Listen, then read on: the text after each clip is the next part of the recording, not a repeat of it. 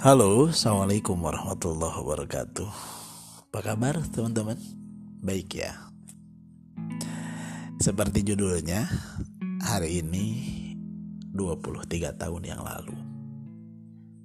Ya 23 tahun yang lalu Lahir seorang anak laki-laki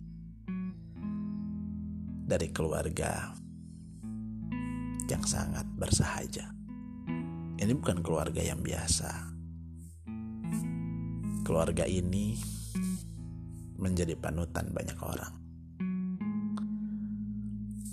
Keluarga ini adalah contoh betapa kehidupan tidak bisa berjalan begitu saja tanpa rencana-rencana. Keluarga ini memegang teguh bagaimana pentingnya merencanakan sesuatu, termasuk kehidupan berkeluarga. Keluarga ini adalah keluarga yang sangat hangat, penuh cinta, penuh kasih sayang satu sama lain. Keluarga ini bisa dibilang keluarga yang cukup sempurna bagi sebagian orang, termasuk saya. Melihat segala privilege yang dimiliki oleh keluarga anak ini, saya mungkin dan sebagian banyak orang akan berpikir bahwa anak ini dengan mudah akan menjadi orang yang hebat.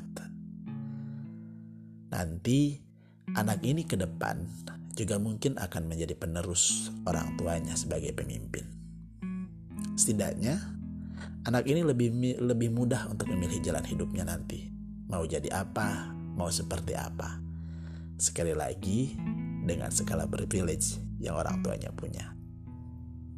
Benar, orang tuanya tidak membiarkan anak ini tumbuh tanpa rencana. Sejak dini, kedua orang tuanya sudah menanamkan pondasi keagamaan dan pengetahuan yang kuat pada anak laki-laki ini. Sejak dini, orang tuanya sudah menaruh harapan yang besar. Bahkan juga mungkin sebagian masyarakat kita menaruh juga harapan yang sama kepadanya. Bahwa nanti kelak anak ini akan menjadi sosok pemimpin di masa depan. Hari ini seharusnya dia berulang tahun yang ke-23. Tapi sebulan yang lalu sebuah tragedi terjadi padanya. Ia dikabarkan menghilang di Sungai Are di Swiss. Ya, yang saya sedang bicarakan adalah sosok yang fenomenal saat ini, yaitu Emeril Khan Mumtaz. Dia adalah sosok yang luar biasa Kematiannya tanggal 26 Mei lalu mungkin adalah sebuah tragedi yang luar biasa bagi kedua orang tuanya dan keluarga. Itu adalah sebuah musibah kehilangan yang teramat besar pastinya. Kita bisa menyaksikan bagaimana keluarga, orang tua, dan adik-adiknya memikul beban kesedihan yang teramat dalam. Saya belum pernah melihat keluarga ini sesedih itu sebelumnya. Saya belum pernah melihat keluarga ini sehancur itu sebelumnya. Saya yang bukan siapa-siapa, yang juga gak kenal dengan Eril. Entah kenapa, merasa sangat begitu kehilangan. Merasa tiba-tiba merasa punya koneksi dengan apa yang dirasakan oleh keluarganya Eril, oleh orang tuanya, oleh adik-adiknya. Dan mungkin ini juga dirasakan oleh sebagian besar masyarakat Indonesia, terutama dalam masyarakat Jawa Barat. Tapi apa sih yang terjadi? Kenapa kematiannya begitu ditangisi oleh banyak orang? Kenapa kematiannya begitu membuat masyarakat ribuan orang dengan sukarela mendoakannya, mensalatkannya, berkunjung ke rumah duka, bahkan sebagian masyarakat ikut terus serta berkunjung ke pemakamannya. Kita melihat begitu banyak cinta, begitu banyak doa, begitu banyak linangan air mata mengiringi kepergian Eril. Anak muda ini sebenarnya siapa sih? Teman-teman, 23 tahun itu adalah waktu yang cukup singkat untuk mengukir sebuah kehidupan yang bermakna. Teman-teman 23 tahun itu adalah waktu yang sangat pendek untuk bisa menjelma menjadi sosok yang begitu dikenang di hari kematiannya. Pertanyaannya, kebaikan apa yang buat Eril begitu sangat dicintai oleh kita? Tidakkah ini ada pelajaran yang sangat berharga untuk kita semua?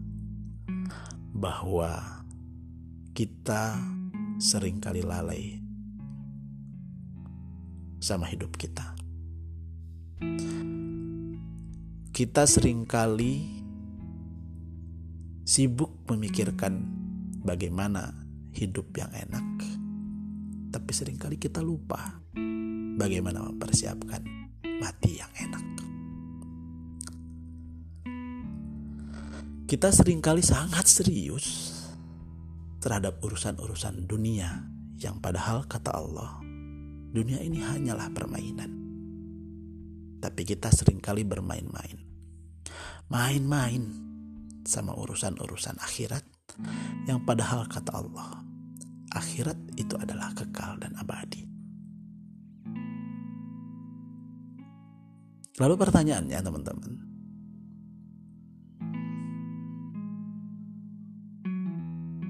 usia yang Allah kasih ke kita sekarang sudah diisi dengan kebaikan-kebaikan apa?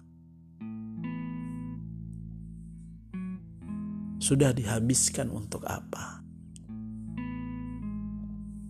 Tidakkah kita semua kalau ditanya ingin mempunyai kisah kematian yang indah seperti Eril? Bagaimana tidak? Eril meninggal diyakini dalam kondisi yang khusnul khotimah. Eril meninggal menempuh jalan syahid. Tidakkah ini adalah sesuatu yang fenomenal? Tidakkah ini adalah sesuatu yang luar biasa yang tidak bisa diukur oleh akal?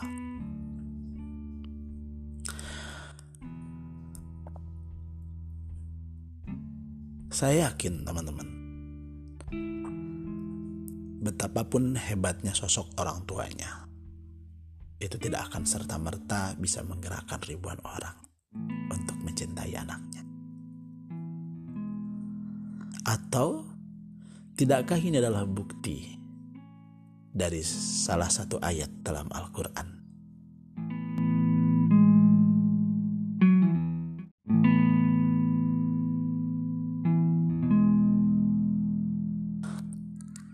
Teman-teman, ada banyak sekali hikmah ada banyak sekali pelajaran yang bisa diambil dari sebuah kematian.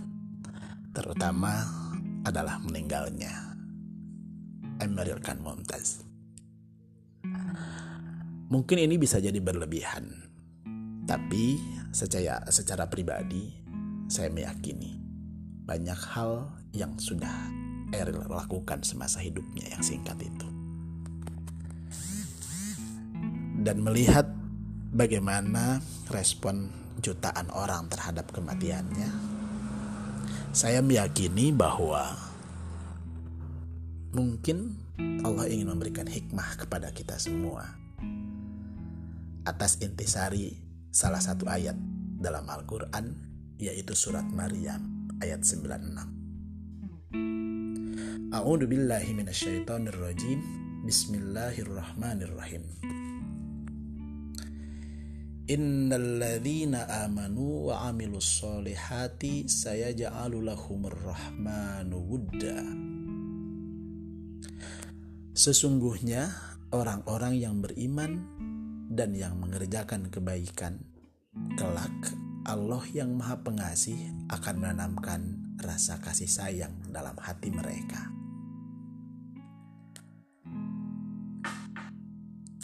Teman-teman, ada dua hal yang harus digarisbawahi dalam ayat ini. Yang pertama adalah orang-orang yang beriman dan orang-orang yang beramal soleh. Lalu kemudian dua orang ini akan dicintai oleh Allah. Teman-teman bagaimana jadinya kalau kita menjadi hamba yang dicintai oleh Allah?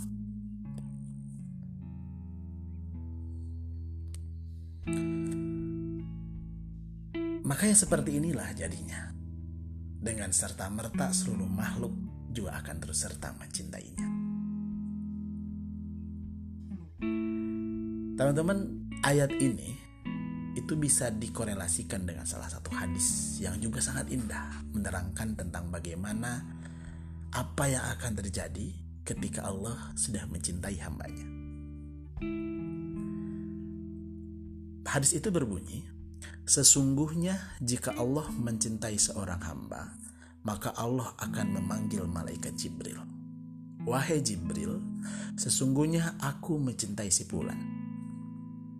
Kemudian Jibril pun mencintainya. Lalu ia pun menyeru kepada penduduk langit, Wahai penduduk langit, sesungguhnya Allah mencintai si Fulan. Maka serempak penduduk langit pun mencintainya. Lalu rasa cinta tersebut kemudian diberikan kepada seluruh penduduk di bumi. Maka dengan sendirinya penduduk-penduduk bumi juga akan terus serta mencintainya. Saya nggak tahu ya teman-teman, apakah ini adalah uh, perumpamaan yang terlalu jauh gitu tapi saya meyakini betul teman-teman bahwa sekecil apa pun bukti yang Allah tunjukkan kepada kita itu adalah sebuah hikmah dan sebuah kebenaran bagi kita. Ya sesungguhnya hikmah yang ingin saya sampaikan teman-teman adalah bahwa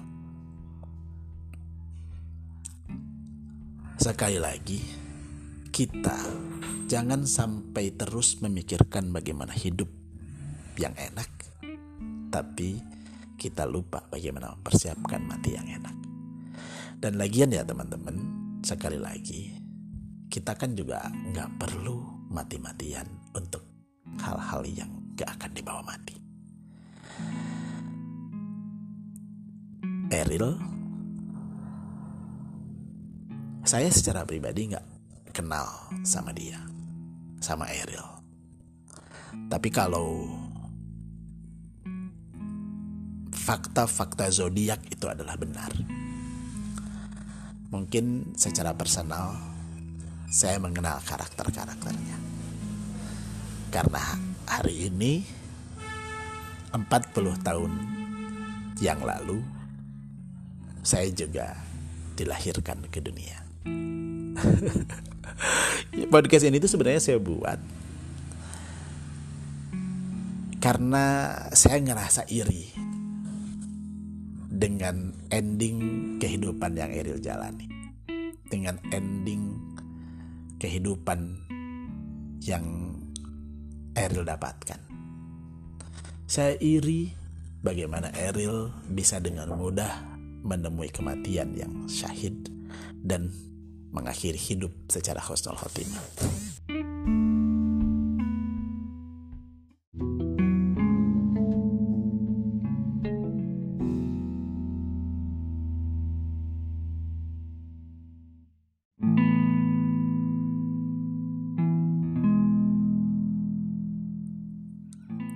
Dan pada akhirnya, secara khusus podcast ini saya persembahkan untuk memperingati kelahiran Emeril Khan Mumtaz.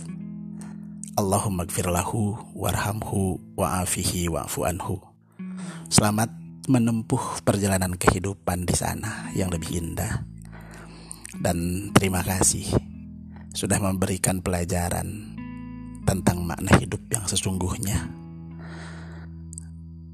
Terima kasih sudah memberikan hikmah yang teramat dalam tentang arti panjang umur yang sebenar-benarnya.